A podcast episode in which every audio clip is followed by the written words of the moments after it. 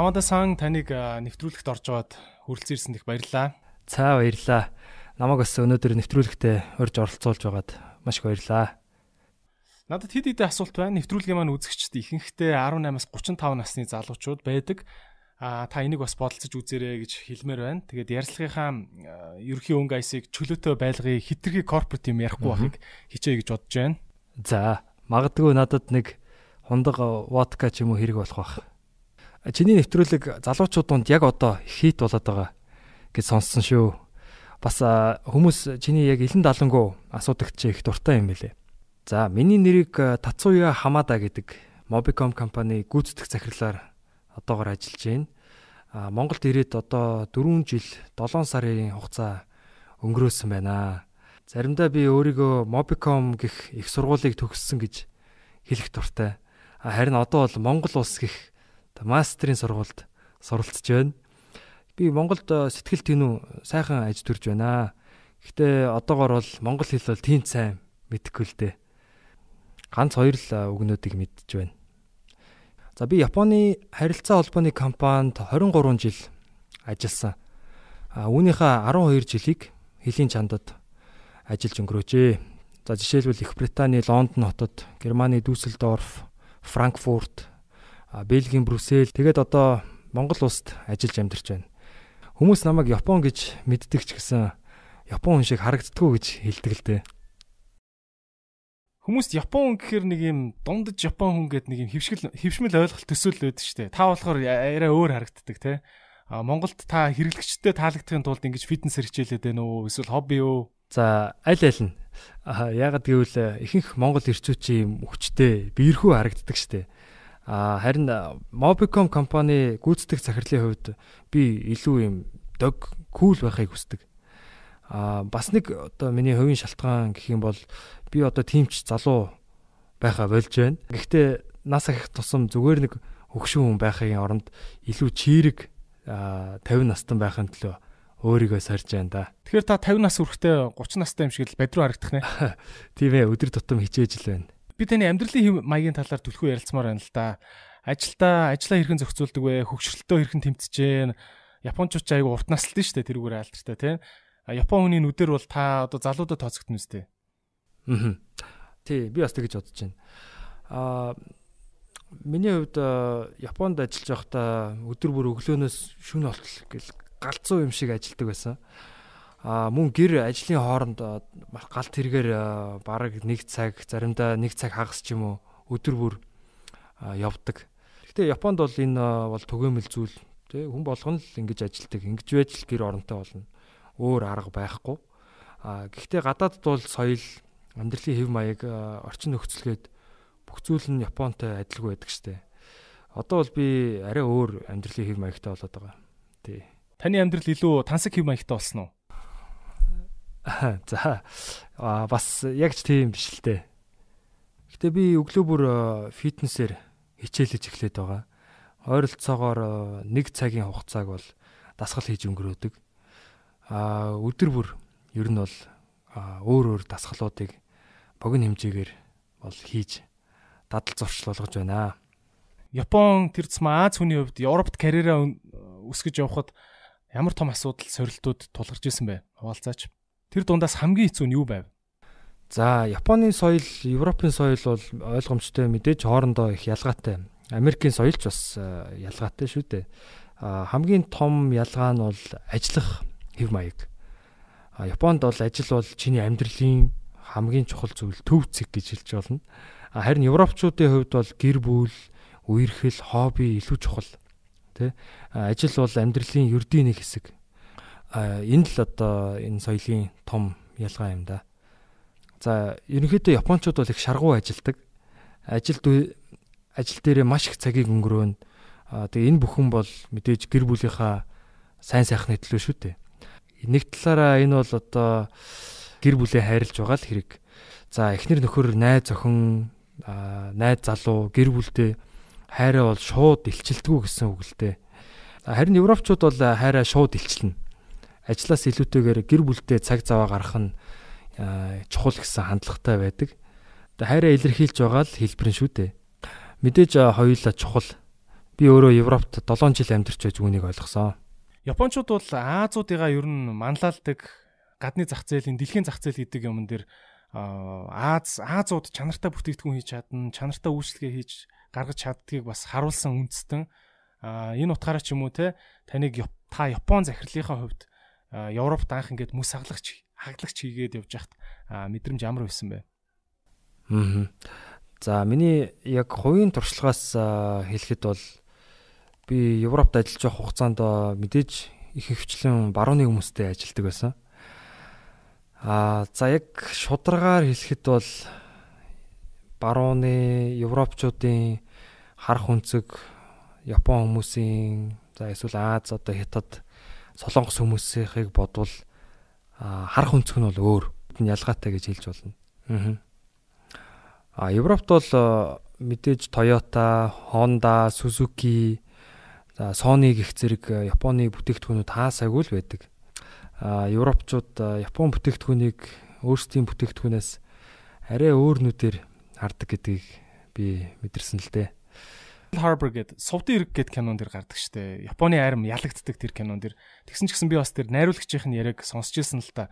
Хэдийгээр японочууд ялагдсан ч гэсэн тэр Япон нисгэгч нар, байлдагч нар яаж гэр бүлээ те а золиосонд гаргаад эх орныхын төлөө явж байгаа тэр баатарлаг байдлыг бас харуулнаа гэд ярьжсэн тэрийг санаж байна та Герман, Бэлэг, Англи гэдэг улсуудад амьдарч байсан. Бүгдээр хүчрэг гүрнүүд дандаа том дэлхийн колоничлогч гүрнүүд байсан. Бэлэг хичнээн жижигэн ч гэсэн одоо Брюссел хот бол Европын холбооны төв байдаг. Европт ингээд газар сэлгээд явж байхад танд орон орны ямар шинж чанар нь их гүн сэтгэл төрүүлж исэн бэ? Аа миний хувьд бол өмнө нь гурван улсад ажиллаж амьдарч байсан. Жишээ нь Их Британи, Герман, Бэлэг, За миний хувьд бол яг миний хоёр дахь гэр гэх юм бол Их Британи, Лондон хотыг нэрлэнэ. Яагаад гэвэл би Лондонд амьдарч байх хугацаанд өөрийгөө ерөөсөө харь улсын гадаад хүн гэж бол боддог байсан. Аа зөвхөн тэнд англи хүмүүсээс гадна Хятад, Солонгос, Япон, Африк, Карибиан гэд маш олон үндэстнүүд амьдардаг. Аа тийм учраас тэнд одоо амьдарч байхад бол миний хувьд их таатай байсан.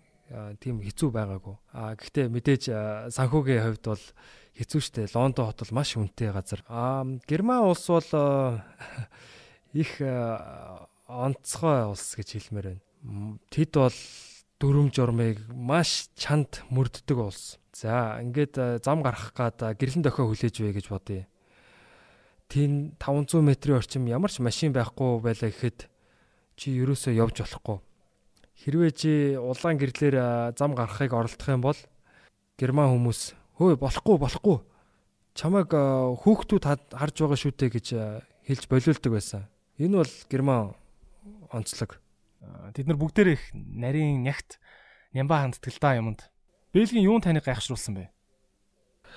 Бэлэг бол их өрмөц улс л да. Учир нь чиний хэлснээр Европын холбоо тэнд барилдаг. За хоошоогоо бол Бэлэг улс Нидерланд, Голландтай хэлдэг. Тэнд даач хүмүүстэй флемиш хэлээр ярина. А урт тал руугаа бол Франц улстай Францаар ярина. За зүүн тал руугаа бол Германтай хэлдэг. Тэгээ тийм одоо олон улстай хэлдэг учраас бэлгчүүд олон хэлээр ярьдаг юм өвөрмөц ард түмэн л дээ. Хоёлаа бизнесийн талаар ярилцъя. Европын зах зээлийг эзлэх хүсэлтэй амбицтай Аз байлаа гэж бодъё те. Аз залуу байлаа гэж бодъё. Европын компаниудад технологи зарах гэж байгаа гэж төсөөлөл л дээ хоёлоо. Та ийм залуучуудад юу зөвлөх вэ? За одоо үед бол хүмүүс гар утасны аппликейшн суурилсан бизнесүүд аль эсвэл онлайн бизнесүүдийг их ашигтай гэж боддог болсон. За хэдий тухай бизнес танаа улсад эсвэл бусад улсад ашигтай байж болох ч улс болгонд яг түн шиг адилхан тесрэлт болоод ашиг олно гэсэн ямар ч баталгаа байхгүй. Яагаад гэвэл хүн бүрийн амьдралын хэв маяг сэтгэлгээ харилцсан адилгүй байдаг. Маш өөр байдаг. Тийм учраас IT суурьтай аппликейшн бизнесүүдийг хийж эхлэхэд би миний хувьд зөвлөхөд бол хамгийн түрүүнд тухайн улс орны соёл, нийгмийг судлах нь их чухал гэж зөвлөмөр байна. Үгүй бол маш том хүндрэлтэй учрна. Одоо жишээ нь бид гар утасны сүлжээгээр дүрс бичлэг эсвэл дуу бичлэг шууд дамжуулалтыг ч хүлээж авах үзэх боломжтой.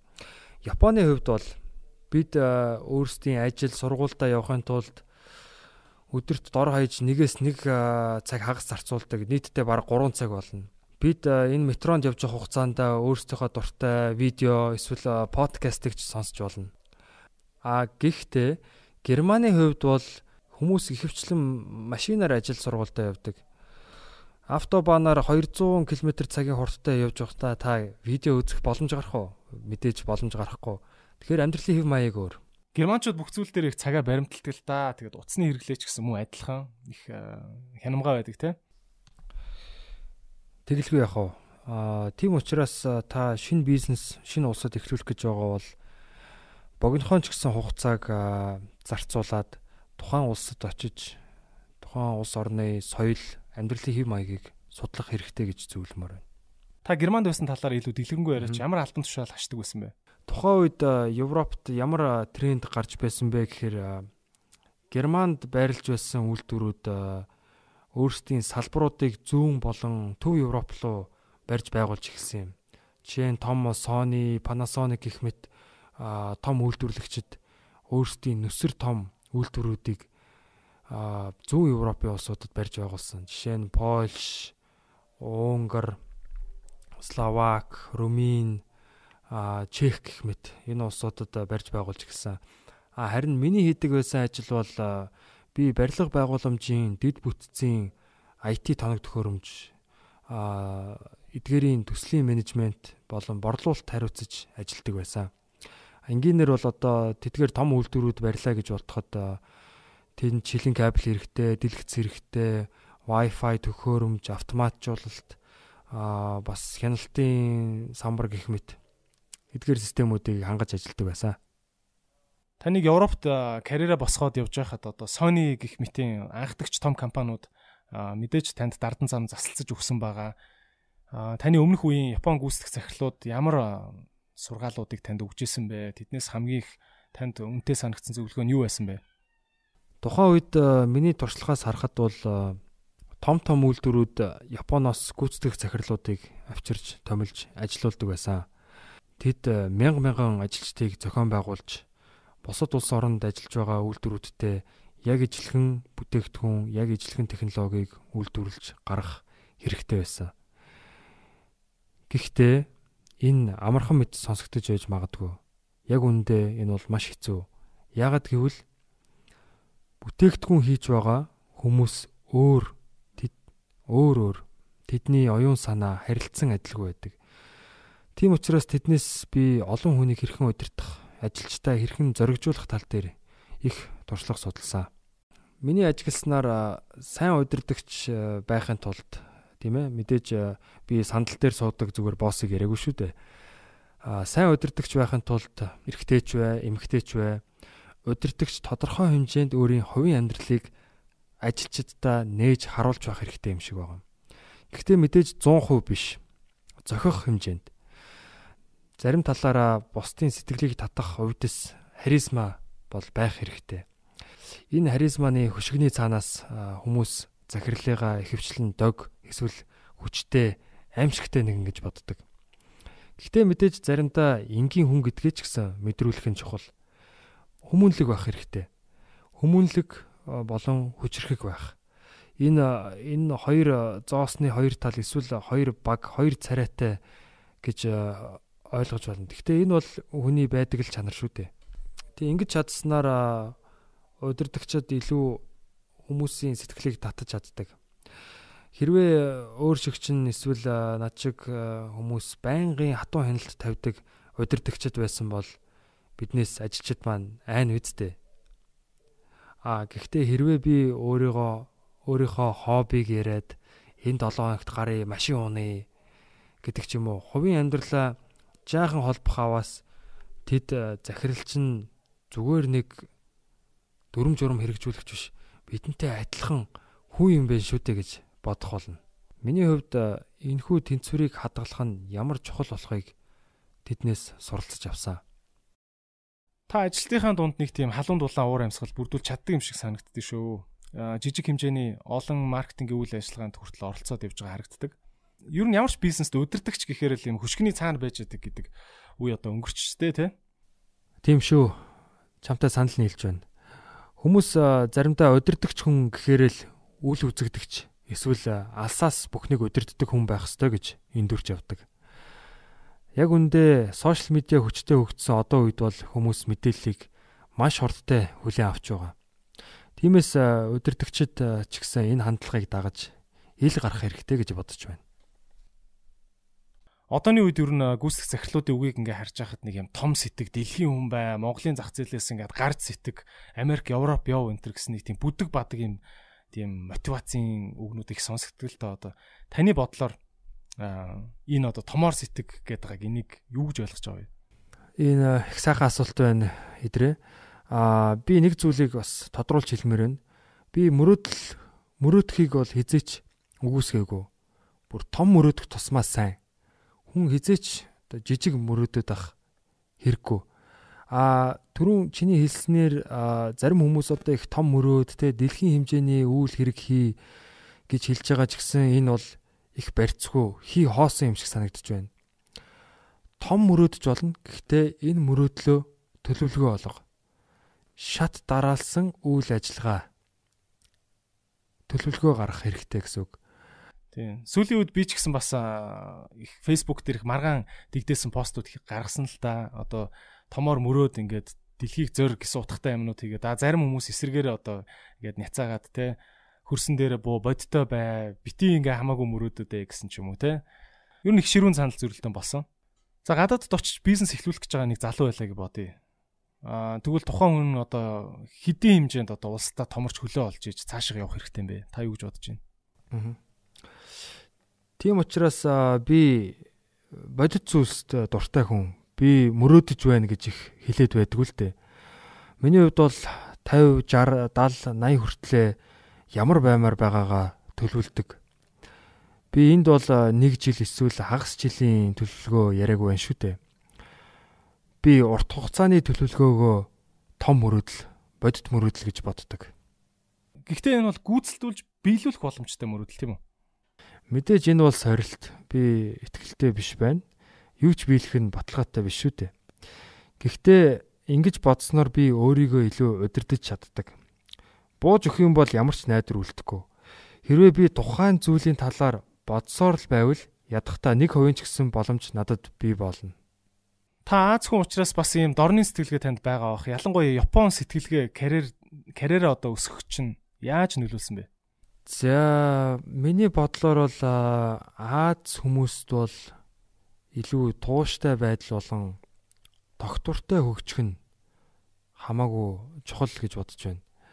А энэ бол миний хувийн үзэл бодол, миний хувийн ойлголт л доо. А одоо цаг үед бол өрөнд орны соёл харьцангуй холилдсон. Яг ийм тийм гих тодорхой ялгаа бараг байхгүй болж байх шиг байна. А хэрвээ өнгөрснийг эргээд харах юм бол маш олон жилийн өмнө барууны соёл ан агнуур дээр суурилсан аж амьдралтай байсан. Тийм учраас доктортой хоол хүнсний нөөц гэж байхгүй. Харин Азууд жишээлбэл Япончууд газар тариалангийн иргэншилтэй учраас хоол хүнсээ доктортой нөөцлж чаддаг. Хөлрөл болгон доктортой ургац сураана гэсэн үг. Энэ Япон болон Азийн орнуудын тууштай доктортой байдал сэтгэлгээний соёл нь бизнес төр ч гэсэн илэрдэг. А барууны соёл бол ан хийхтэй адилхан том ол золно эсвэл том уналт яг л ан хийж байгаатай адил. Би таны бас Mobicom-ийн бусад э, удирдах албаны хүмүүсээс ийм урт хугацааны бодлого гэдэг үгийг аягүй их сонсч ирсэн л та. Надад их э, сонирхолтой санагдсан нь болохоор урт хугацааны гэдэг нь одоо бизнест ямар учиртай утгатай үг юм бэ? Хэр урт хугацаа вэ? За би л 3 жил дээд тал нь 3 жил гэж хэлмээр байна. Үүнээс цааш бол баталгаагүй. Жишээ нь 3 жилийн өмнөх Монголыг харуул 4G-ийн эхлэл тавигдж байсан. А үүнээс дахиад 3 жилийн өмнөх 2014 3 оны үеийг аваад үзвэл 3G ч хэцүү байсан үе шүү дээ. Тэгэхээр харилцаа холбооны салбар одоо манай салбарынхны хувьд бол хамгийн дээд тал нь 3 жилээр урьдчилан тооцоолох боломжтой. Үүнээс цааш боломжгүй байдаг. Ихэнх үүрэн телефоны компани мэрэгчлэтнүүд хилтгэлтэй Монголд бол ингээд энэ үүрэн үүрэн телефоны үйлчлэгээ бол дээд зэгтээ хүрцэн дахиж одоо цаашаа ингэж оператор компаниуд томрох боломжгүй гэж ярьдаг. Энэ талаар та ямар бодолтой байдаг вэ? 2016 онд бид 4G-г танилцуулсан. А 4G нэвтэрсний дараа хүмүүсийн амьдралын хэв маягт бол нэлээд өөрчлөлт гарсан. Ухаалаг утасны хэрэглээ огцом нэмэгдэж хүмүүс онлайн банк, тоглоом, гэдэл гар утсаараа бүх зүйлийг хийх болсон да. Тэгээд энэ талаас нь хараад үзвэл өнгөрсөн 3 жил бол нэг үе шат байлаа. А харин харин бидний дараагийн үе шат бол Монгол улс даяар 4G сүлжээг түгээх. Энэ одоо бараг л дуусчихсан байгаа. Ягаад гэвэл бид энэ ажлаа зогсолтгүй явуулсаар ирсэн. Үүнээс үүдэн хүмүүсийн 70-аас дээш хувь нь ухаалаг утас хэрэглэж байгаа. А гэхдээ үлдсэн хэсэг нь одоо хүртэл 2G сүлжээтэй утаснууд ашигласаар байна. Тэгэхэд бид аль хэдийн 5G сүлжээгээд яриад эхэлчихсэн байх шүү дээ. Бодит байдал дээр зах зээл хансан юм шиг харагдаж байгаа болохоос үнэндээ тийм биш. Хөдөөний хүмүүс одоо хэрн 2G, 3G ашигласан хэвээр байгаа. Тэгэхээр э, энэ утгаараа бид э, зах зээлээ тэлэх өшөө орон зай бидэнд байсаар байна. Та карьераа босохдоо бас золиос гаргасан байх. Юу юуг золиослсон бэ? Танд шинээр эхлэх боломж олдвол магадгүй ингээд энэ золиосыг гаргахгүй байх боломж байсан гэвэл. Ингээд харахад би юу ч золиослоогүй юм шиг. Би Монголд сэтгэл ханамжтай сайхан ажиллаж амьдарч байна. Mobicom-ын гүйцэтгэх захирлаар их олон юм үзэж тууллаа. Эргээд харахад надад бол харамсах зүйл байхгүй. Гэтэ яг одоогийн албан тушаалд ирэх гэж би маш их зүйлийн ард гарах хэрэгтэй болсон. Маш их үйл явдал, маш их үйл явц донд би мэдээж золиос гаргасан. Таны хамгийн том золиос юу байсан бэ? Тэр нь хувийн амьдрал минь байсан баг. За би өмнө нь их нэртэй байсан. Тэр маань Япон хүн байгаагүй л дээ. Хамсалтай оноо уучлаа зүгээрээ магадгүй хүмүүс сонсомоор байгаа байлгүй. Тэр бол барууны хүн байсан. А би өмнө нь хэлсэн шиг барууныхан шууд харилцаа буюу илэн далангуу хайрыг хүсдэг. Хамт бай, хамт цагийг өнгөрөөцгөө гэдэл. Харин миний хувьд бол чадах чинээгээрээ ажиллаж, цалин урамшуулал, тушаал дэвшилтгээд шууд бус байдлаар түнд хайр өгч байсан. А Харин энэ хоёрын хооронд том ялгаа бий. Хосуудын хувьд бие биенийхээ хайрыг ойлгоход хүндрэл учирсан л да. Инхүү харамсалтайгаар бид салсан. Энэ миний амьдралын хамгийн том алдаа байсан да. Бүхэл гүйцэтгэх захирлууд хувийн болон амьдрал дээр их хүнд шалгууруудтай тулгардаг л да тийм. Та маш их стресстэй сэтгэлээр унсан үед яаж давж туулсан бэ? За тухайн үед би Их Британд амьдарч байсан. Аа эхнэр маань Британи хүн байсан л да. Аа би бол одоо айлын талбай дээр тоглож байсан. Тэр маань бол талбай дээр тоглож байсан гэсэн үг. Яг зөв юм уу буруу юм уу гэдгийг сайн хэлж мэдэхгүй байна. Гэхдээ би хөл бөмбөгөөр э, зөөрлж байгаа шүү. Аа миний хувьд гадаадд байсан учраас надад бол их хүн туссан. Тухайн үед э, Лондонд ажиллаж байхдаа орой болгон нэг пабаас нөгөө паб руу ороод их уудаг байлаа.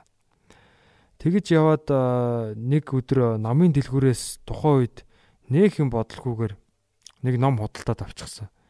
Би тэр номыг бараг 100-аас илүү удаа уншсан баха. Ямар нэртэй ном байсан бэ?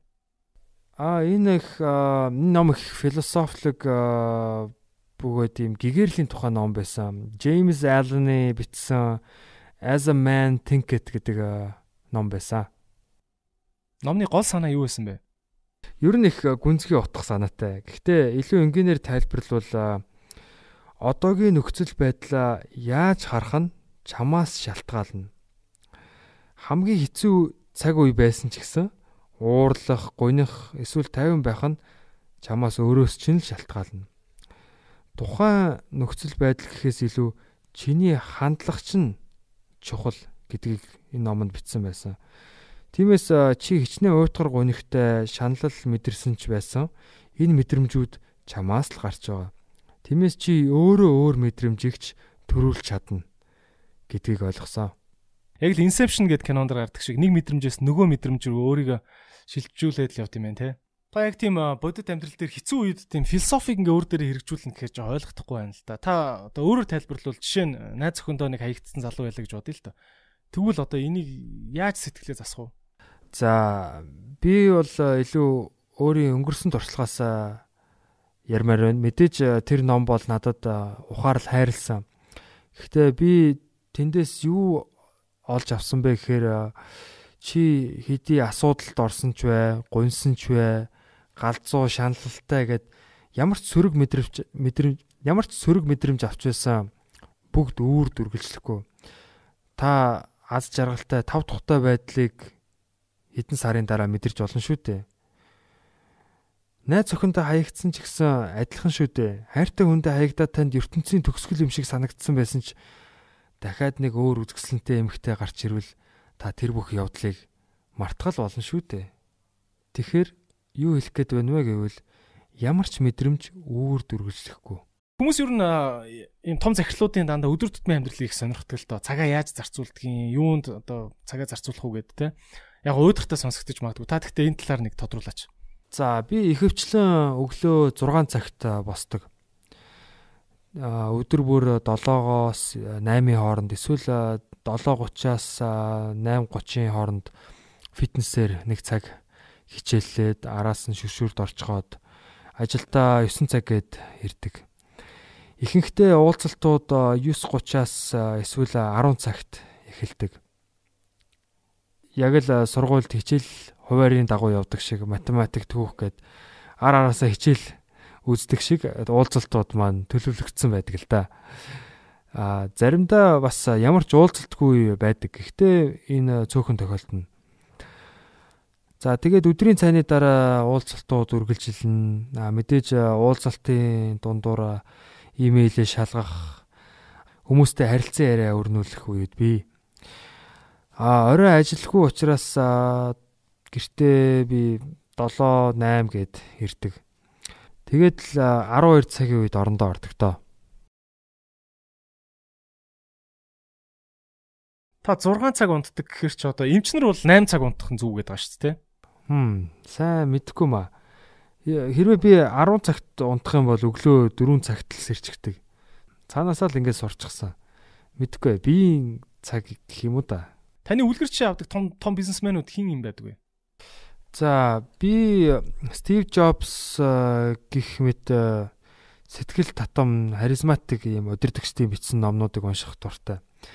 Гэтэ яг үннийг хэлэхэд энэ номнууд хэдий сонирхолтой бас бусдад урам зориг хайрладаг ч гэсэн надад нэг л бууж өгдгөө юм аа. Дэлхий дээр байгаа хэдэн зуун мянган хүний маш цөөхөн хувь нь ийм байх боломжтой шүү дээ. Дэлхий дээр байгаа хэд олон зуун мянган сая хүмүүсийн дунд маш цөөхөн хувь нь тийм байх боломжтой. Тэгэхээр миний хувьд бол арай хийсвэр санагддаг гэхүү дээ. А харин би бол өөртөөгөө арай ойр хүмүүсээс үлгэр жишээ авахыг хичээдэг. А жишээ нь одоо миний одоо ажиллаж байгаа компани KDDI компани. KDDI бол Японы Mobicom байгаа. Тийм ээ. Mobicom-ийн хувьцаа эзэмшигч. А Токиод байрлах KDDI-ийн хувьцаа эзэмшигчид өмнөх ерөнхийлөгчид менторудаас жишээ авах нь илүү бодиттой санагддаг л та. Миний аав ч гэсэн бас сайн ментор. Танд ер нь юу сургасан бэ? Тийм маш олон зүйлийг хэлж өгнө. Миний аав надтай адилхан технологийн компанид удирдах албан тушаалтай байсан. Аа тийм учраас бас миний ажлыг сайн ойлгодог. Гэхдээ бидний амьдарч байсан цаг үе нийгэм өөр л дөө. Япон захирлууд ер нь л маш махруу тийм ажлын өндөр этиктэй байдаг штэ тий. Тий, энэ бараг л яг лам нарын сахил санваартай ижилхэн бүхий л хүслээ хүлцэн төвчиж босод зүйлсийг омортон зөвхөн ажилдаа сэтгэлээ зориулдаг. Бараг л лам шиг гэж хэлж болно доо. Хүн ер нь ингээл хувийн бүтээмжийн талаар ярихаар хэрэгтэй ажил хийхээсээ илүү хэрэггүйгээ таньж сурах нь илүү чухал үт юм шиг санагддаг. Таны одоо бүтээлч байдлыг сайжруулдаг арга тактик юу байгаа вэ? За бүтээлч байдлын талаар их олон санаанууд байдаг. А магадгүй 10-аас 12 цаг ажиллалаа гэд бүтээмж чинь өснө гэсэн үг биш шүү дээ. А хүн бол тарих би оюун ухаанаа бол амрааж явах хэрэгтэй. Хүмүүс ихэнх хүмүүс 9-өөс 5 цагийн хооронд ажиллах нь хамгийн бүтээмжтэй гэж үздэг. Харин би бол үүнийг тухайн хүнээсээ л хамаарна гэж боддог. Зарим хүний хувьд бүтээмжтэй байхын тулд маш их цагийг зарцуулах хэрэгтэй байдаг бол зарим хүмүүсийн хувьд бол шаардлагагүй ажлуудаа танахад л болно. Тэгэхээр яг тодорхой цаг эсвэл арга барил гэж бол байхгүй. Би өмнө нь бол ажлын хинэттэй байсан хүн шүү дээ. Бараг солиотой юм шиг. Харин одоо бол тэгж махраад ажиллаад байдаггүй. Ягаад гэвэл би ажил дээр шөнийн 2 цаг хүртэл суугаад байвал захирал шүн болтол ажил захирал шүн болтол ажиллаад байна гэд санаан зовоод ажилчид маань гэртээ харьж чадахгүй шүү дээ. Тиймээс бүтээмжээ өсгөхийн тулд тохирсон цагт нь тохирсон ажлаа тасралтгүй тогтвортой хийх нь л чухал гэж бодож байна. Одоо бүхэл бизнесүүд бүх салбаруудад л тогтвортой хөгжил гэдэг үгийг айгүйх яриад байна л да. Одоо өдөр тутмын амьдралдаа хүртэл ярьж байна те монголчуудын хувьд тогтвортой хөгжихийн тулд та юуг анхаарах ёстой гэж боддөг вэ? За сэтгүүлчид надаас монгол хүн, япон хүн хоёрын ялгаа юу вэ гэж их асуудаг. Үнэн дээр миний мэдэрснээр бол монголчууд дасан цогцох чадвар сайтай. Мөн уян хатан. Ямар нэгэн шин зүйлд хурдан дасан цогцдог. А гэхдээ энэ үг бол мэдээж хоёр утгатай хоёр ялгаатай утгыг илэрхийлдэг. Хитг уян хатан байна гэдг нь докторгүй байна гэсэн үг. Өөрийн чинь цүм хаана байна вэ? Ноён нуруу хаана байх вэ? Хэрвээ чи ямар нэгэн шин зүйлд хурдан дасан зохицож чадаж байвал чиний тууштай доктортой байдал алдагддаг.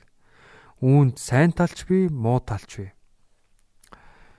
Энэ тиймэрхүү тууштай биш байдал ер нь маш их эргэлзээг үүсгэтгэлтэй хүмүүст олон улсын хүрээнд бол дасан зохицох чадвар муу байвал чамд сул тал болох нь мэдээж. Дасан зохицох чадвар уян хатан байдлыг би өгөөсгөөгүй л дээ. Гэхдээ чамд тогтвортой зогсох газар хэрэгтэй. Урсгал хаашаа тийшээ урсгах нь дасан зохицох чадвар биш. Өөрийгөө таньсан хойно уян хатан байдал дасан зохицох чадварт суралцвал олон улсын хэмжээнд чи үнэлэгдэнэ. Би үүнийг үргэлж багийн гишүүдтэй сануулж байдаг. Би бас өмнө Mobicom-д ажиллаж байгаад ингээд гарсан хүмүүстэй их ярилцжсэн л да. Дандаа л өөр газар очиод ингээд илүү том албан тушаал дээр очсон байдаг. Mobicom-оос ингээд гараад карьер нь муудсан гэдэг бол түүх юусэн мэдэхгүй.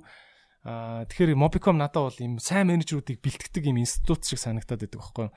Яагаад энэ одоо ямар учиртай вэ?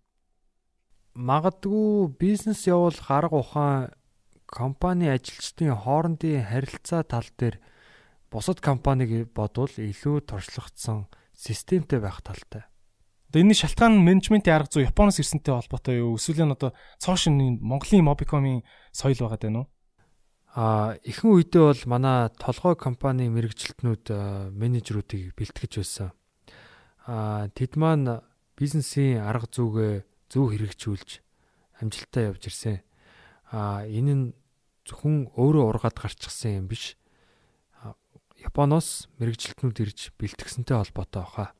Би яар Mobicom-ыг маш их тийм сургалт дотоод сургалтуудыг хийдэг гэж сонсч байсан. Ер нь ерөөсөө сургалт сургалт гэж бөмбөгчдөг. А дотооддоо одоо сайн менежерүүдийг сурах нууц жор гэж байна уу та хуваалцаач. За бас их хэцүү асуулт байна. За бидэнд удирдах албан тушаалтнууд байдаг. За үүний дараагаар захирлуудын зөвлөл 4-өөс 5 гишүүнтэй. Бүгд ерөнхийдөө залуухан хүмүүс ер нь хараад байхад захирлууд ихэвчлэн 40 эсвэл 50-аас дээш настай байдаг шүү дээ. Жишээ нь уул уурхайн компаниудыг харвал ихэнх нь настай захирлууд байдаг. Mobicom-д бол би хамгийн хөгшин дээд албан тушаалтаа. Одоо 46 настай. Бусад дээд албан тушаалтнууд 42, 43 настай байдаг. Захирлууд 35 таа байх жишээний. Ер нь бол залуу хүн байна гэсэн үг. Тэд хурдан дасан зөгтдөгч нөгөө талаараа амьдрал болон бизнест туршлага баг гэсэн үг. Энэ тэдний сул тал гэхүүтэй.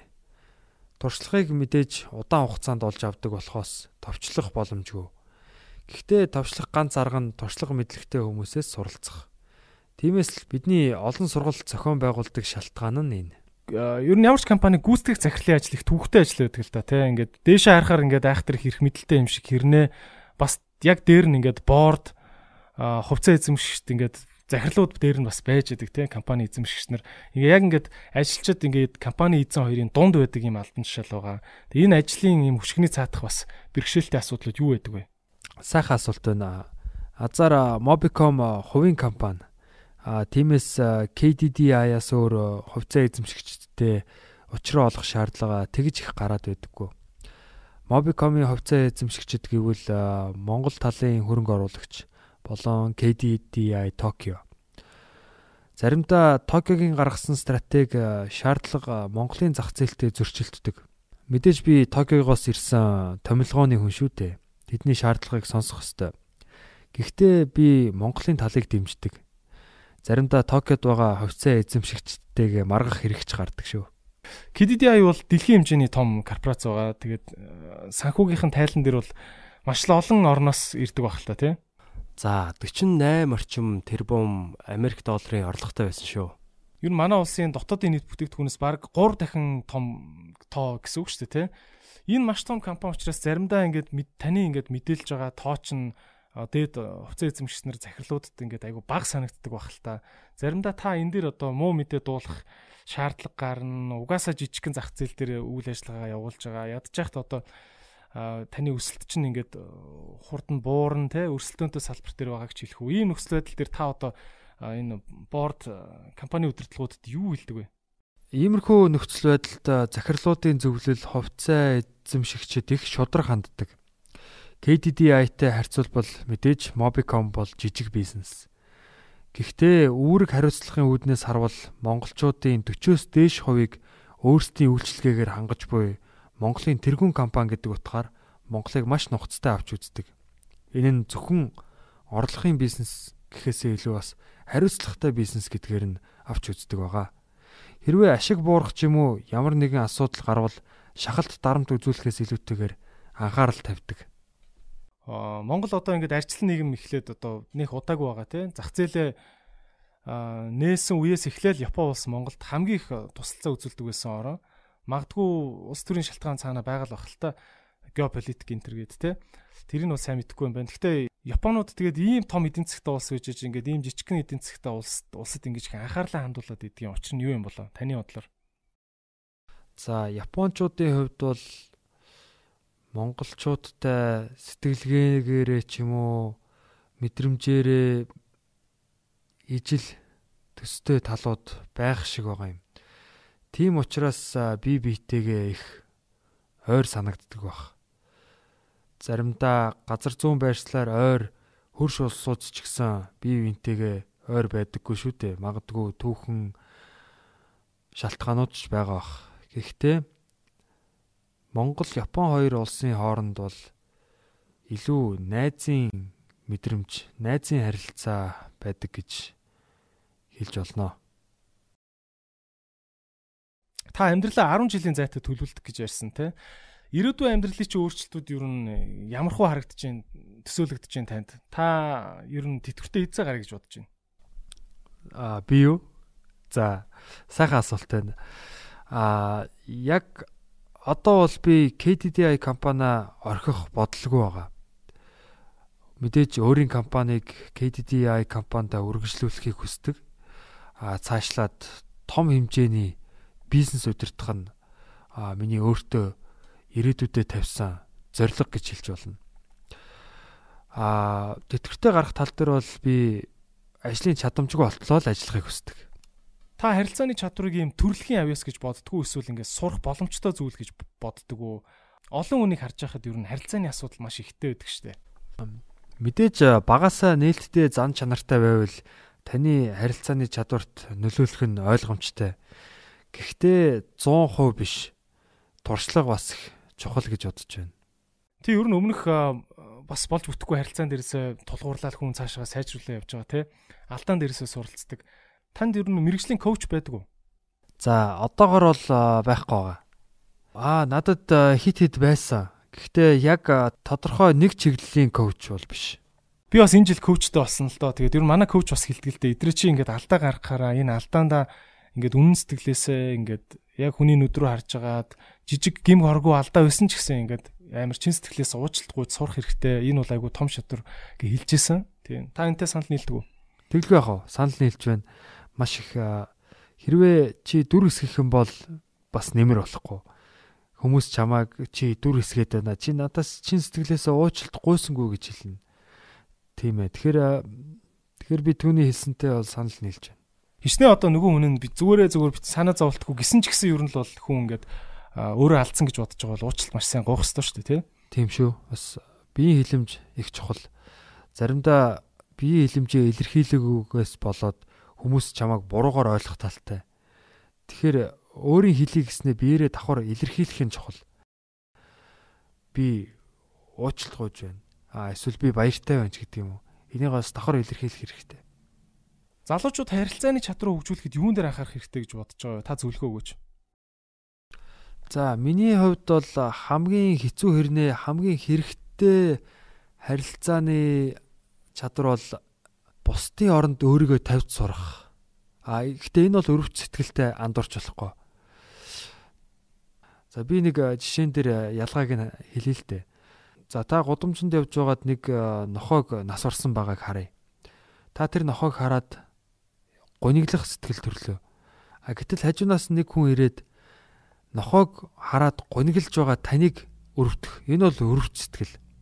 А бусдын оронд өөрийгөө тавина гэдэг нь таны мэдрэмжийг тантай хуваалцах. Энэ бол бас их том сорилт. Энийг ялгаж салах бас хэцүү л дээ. Та бусдад харилцахдаа хэр зэрэг тийм бусдын оронд өөрийгөө тавьж харж чаддаг вэ? Үндэ маш хэцүү. А хүн өөрийн оюун санааг үүнд сургах хэрэгтэй. Ухамсартайгаар. Оролдож болох ч гэсэн ихэнх тохиолдолд хүн мартчихдаг. Бид ихэвчлэн өөрсдийнхөө сэтгэл санааг л бодоод байдаг. Би би төвтэй болчихдаг. А бусдын оронд өөрийгөө тавина гэдэг нь та төвтэй болно гэсэн. Хүмүүс яг уу яг иймэрхүү зүйлийн талаар ингээл сонсоод тухайн үедээ ингээл ухаардаг боловч тэгэл марцдаг штеп. Таны хувьд ер нь өөрийнхөө сэтгэл оюун санаагаа ингээд хэрхэн байнга юм сэрэмжтэй байлгадаг вэ? өөрт өөр өөртөө нь одоо яг тус болсон техник байдаг уу? Маш олон төрлийн хүмүүс байгаа. Аа миний хувьд бол миний амьдралд ямар нэгэн хүнд зүйл тохиолдвол би хүмүүс шиг санаа зовоод бодоод яваад ах дургу. Одоо жишээ нь зүрх шархалсан ч юм уу, найз бүсгүйтгээсээ салсан. Ийм тохиолдолд би лав гэртээ байгаад өвдгөө тэрвэрэд суухгүй. Зарим хүмүүс бол тэгдэг ах. Бодоод л байдаг тэр зүйлээ бодоод л байдаг. А би бол зүгээр гадуур гараад алхаж сэтгэл санаагаа тайвшруулдаг. Ямар нэгэн биеийн хөдөлгөөн хийснээр тухайн сөрөг бодлууд сарнин алга болдог. Таны одоо сөрөг мэдрэмж ялж дийлж энээсээ гарч байгаа ч нь бол их надад бол шинэлэг санаа санагдлаа. Олон нийтийн дарамт чахалтыг та одоо яаж туулдаг вэ? Яг уу хүний одоо өөрийн хувийн амьдралын асуудал бас хэцүү л дээ. Гэхдээ олон нийтийн дарамт чахалт их бас хүчтэй тусдаг штеп хүнд. Та одоо энийг яг ингээд өөр дээр тусгаж авдггүй яаж юм тэ одоо годлаа мэдээ танилуу ингээл зай дайрсан ч юм уу тийм зүйлээс яаж өөрийгөө сэтгэл зүгөө хамгаалдаг вэ? За би нарийн сайн тайлбарлаж чадахгүй байна. Одоо хүртэл маргаантай явж байгаа. А гэхдээ энэ хэрэг дээр над руу олон нийтийн хэрэгслэр дамжуулан Японы гүйцэтгэх захирал Тацуя Хамада Mobicom-ыг дампууруулж байна гэсэн утгатай зүйлс бичигддэг. Одоо ч гэсэн миний утсан дээр скриншотууд нь явж л байна энэ их гинтийн мөн олон нийтийн дарамт шахалтыг даван туулах их хэцүү. Гэхдээ ямар ч тохиолдолд чи хэдэн ч хүнтэй компани удирдах байсан бүх хүнийг 100% өөртөө итгэн үнэмшүүлэх таалагдах боломжгүй шүү дээ. Яг л улс төрчид шиг чамайг 40% дэмжиж байхад үлдсэн 60% дэмжихгүй. Яг л улс төрчид шиг чамайг 40% дэмжиж байхад үлдсэн 60% дэмжихгүй байх жишээний. Одоо хүртэл миний Facebook руу дайралт ирдэг. Гэхдээ би эдгээрийг өөр дээрээ тусгаж авдаггүй л дээ. Mobicom-ийн эсрэг, Hamada-гийн эсрэг хүмүүс бий ч гэсэн гэхдээ нөгөө талаараа Mobicom-ыг болон намайг дэмждэг хүмүүс ч байгаа. Та бол өөр дээр тусгаж авдггүй гэдэг байгаа. Миний хувьд бол жишээ нь ингээл манай UB Comedy клубыг муулаад ингээл бичсэн байлаа гэж бодоход би бол ер нь л өөр дээр тусгаж авчих гээд байдаг. Тэгэлгүй яхаа мэдээж би ч бас өөр дээрээ тусгаж авдаг. Гэхдээ тэр сэтгэл хөдлөлөө гадагшлуулад байдгүй. Дотроо бол би өөртөө та нар миний үзэж туулсныг мэдхгүй чиний буруу гэж бодож болно. Гэхдээ үүнийгээ үйл хөдлөлөөрөө харуулад байдаггүй л дээ. Тийм заримдаа яг хүмүүсийн ингээд тэгээ ялангуяа олон нийтийн үзэл бодол ингээд ер нь үзэн ядалтаар дүүрээд ингээд хар болохтай их амар амархан байдаг штэ. Магадгүй тань руу ингээд дайрж байгаа тав хүн байлаа гэж бодоход цаана шаал өөр ингээд стрессний шалтгаантай байж болно штэ тийм. Тэгээ тэр стресс нь ингээд гардаг тийм үү? Тиймээс э, хэдий сэтгэл хөдлөлтөд автаж э, хэцүү байсан ч үйл хөдлөлөөр үүнийгээ гаргаж болохгүй. Та өөрөө ер нь сүрэг дайралт хийдгүү? Бизнес төр бол э, мэдээж бизнес тал дээр бол зах зээл өрсөлдөөний хувьд зайлшгүй сүрэг дайралт хийх шаардлагатай. Гэхдээ мэдээж шударгаар хэрвээ хин нэгэн миний хувийн амьдрал руу дайрвал би түүнд хариу дайралт хийгээд байдаггүй. Mobicom ер нь албан ёсны PR багтай юу? Тийм ээ бидэнд байгаа.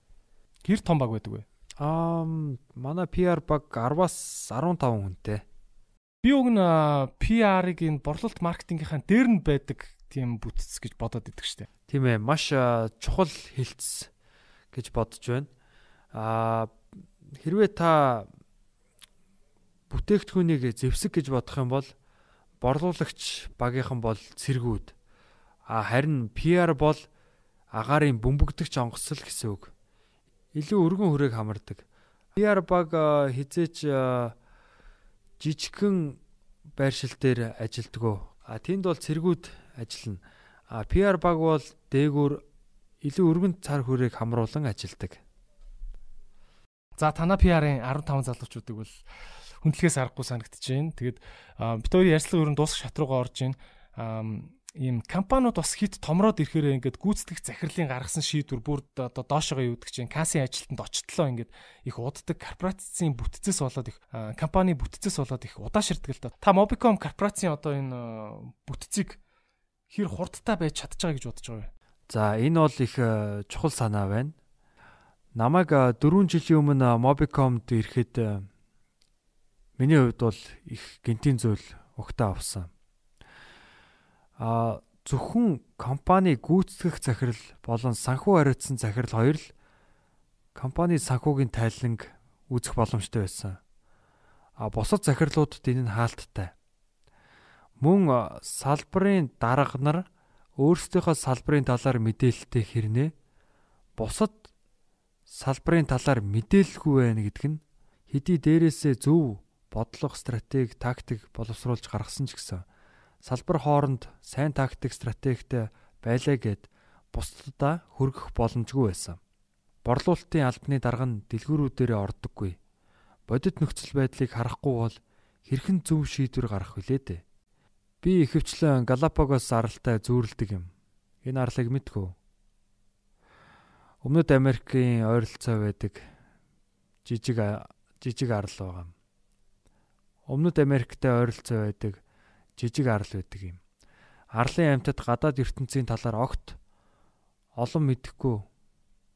Арлын амьтад арлын амьтад гадаад ертөнцийн талаар огт мэдэхгүй. Тэндээ олон жил аж төрсөн. Тэд зөвхөн арлаа л мэднэ. Би Mobicom-ыг яг тийм байсан гэж боддог. Биеэрээ мэдэрч байж л хүн бодит байдлыг танина.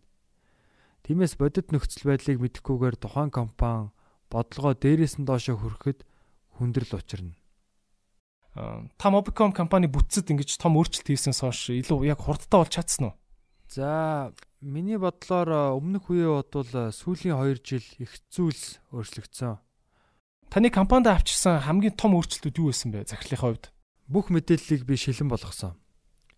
Их гайхамар шүү. Миний хэлсэнчлэн 4 жилийн өмнө удирдах албан тушаалтнуудад хүртэл компани санхүүгийн тайлан хаалттай байсан гэж боддоо. Их олон мэдээллүүд шат шатны албан тушаалтнуудад хаалттай байсан. Жишээ нь зах зээлийн хувь, хэрэглэгчдийн тоо, мөн зорилтынхоо хэдэн хувийг биелүүлчихсэн байгааг харуулж байсан мөртлөө хэдэн тооны хэрэглэгчийг зориод байгаагаа харуулдаггүй байсан гэ боддоо. Итгэж байна уу? Энэ алхам үр шимээ өгч чадсан уу? Та хүмүүст эргэн нөлөөлсөн бэ? Зах зээлийн болон компани нөхцөл байдлын талаар илүү мэдээлэлтэй болсноор тактик илүү хурдан хэрэгжиж хүмүүс илүү үр дүнтэй ажиллаж байгууллагын бүтээмж өссөн. Компани ер нь томрох тусмаа дотоод мэдээлэл задрах задрах магадлал өсдөг дээ. Одоо хин хизээч хаана ямар мэдээлэл гаргаж байгаа юм бэлээ те. Та энэ дэр ямар арга хэмжээ авдаг вэ? Үндсэндээ бол Улаанбаатар шиг жижигхэн газар мэдээллийг задрахаас сэргийлэх үнэхээр хэцүү. Жишээ нь чиний эхнэр нөхөр эсвэл найз нөхөд хаа нэг газар ажилдаг учраас мэдээлэл задрахад амархан. Хичнээн нууц мэдээлэл байсан ч найз нөхөд гэр бүлтэй задлж байх нь бол хэвийн л үзэгдэл. 100% сэргийлэх маш хэцүү шүү дээ. Мэдээж мэдээлэл задрахаас сэргийлж ажилчдаа сургалт явуулдаг. Гэхдээ би мэдээлэл их дөрөө хизээ нэгэн цагт дэлгэгддэг гэж боддог. Үнийг ашиглаад эсрэг тал хөдөлж эхлэнэ гэж бодоод хариу төлөвлөгөө боловсруулсан байх хэрэгтэй. Өрсөж хөдлөх нь л чухал. Та бизнесээ удирдах явж байгаа хүний хувьд айц байдаг уу? Бизнесийн талаар одоо юунаас айж байна? Аа мэдээж үргэлж э, байлгүй яах вэ? За үүнийг юу вэ гэхээр зоригжуулалт үүнийг тайлбарлая л да. Жимс байлаа гэж бодъё. Энэ жимс шинээр байх тодорхой хугацаа байгаа. Хэсэг хугацаа өнгөрсөний дараа энэ аажим ажмаар муудаж эхэлнэ. Би 4 жил Mobicom-д болсон учраас манай компани ажилчид надтай ажиллаа дасчихсан байгаа. Миний зам байдал сэтгэлгээгч мэднэ. Ингээд харах юм бол нэг өдөр би тэдэнд урам зориг өгж зоригжуулж чадахгүй нөхцөл байдалтай толгорно. Урам зориг гэдэг зүйлгүй бол өсөж хөгжөхөд хүндрэл учрна. Өөрчлөх, хувирахад хэцүү болно. Тиймээс сүүлийн үед би өөрийгөө илүү нээлттэй, ил тод болгож өөрчлөхийг хичээх болсон. Тэгж байж л ажилчдаа болон олон нийтэд илүү их урам зориг өгч чадна. Хэрвээ бусдад урам зориг өгч чадхаа болоод ирвэл өөрчлөгдөх цаг иржээ л гэж ойлгож байна доо. Аа тэгэхээр та ер нь өөрийгөө л төрүүлж өөрчилж явах хэрэгтэй мэн те. Тэглгүй яг хөө тэр их чухал шүү. Нэг хүн 10, 20, 30 жил гүйцэтгэх захирал хийн гэдэг нь бол буруу. Гүйцэтгэх захирлууд бол хамгийн том борлуулах мэрэгчл борлуулалтын мэрэгчлэнүүд байдаг штэ.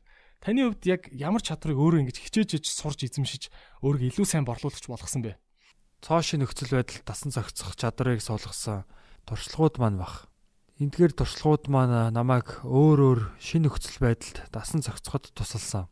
Үүнийхээ ачаар л би Монголын соёл, зах зээл, амьдралын хэв маягт дасан зохицож чадсанаар одоо ингээд Монголын алдартай залуутай яриад сууж байна шүү дээ. Дүнгиж энэ борлуулалт гэдэг юм руу орж байгаа залуучууд та юу зөвлөх вэ? Борлуулагч дөө нэг чухал зүйл бол борлуулагч хүнд харилцааны чадвар. А мөн ямар ч нөхцөл байдалд дасан зохицох чадвар маш чухал. Би нэгэн түүх ярьж өгье. 23 жилийн өмнө би дөнгөж сургуулаа төгсөөд Токиод ажилд ороод борлуулагч болсон. Надтай зэрэг ажилд орсон залуу харин Японы хамгийн хойд хэсэгт байрлах Хоккайдод хуваарлагдсан. Дөнгөж эхний жил учраас хүнд байсан л да. Гэтэл жилийн эхний хагас гэхэд нөгөө залууч нь хамгийн их бүтээгдэхүүн зарсан борлуулагч болсон.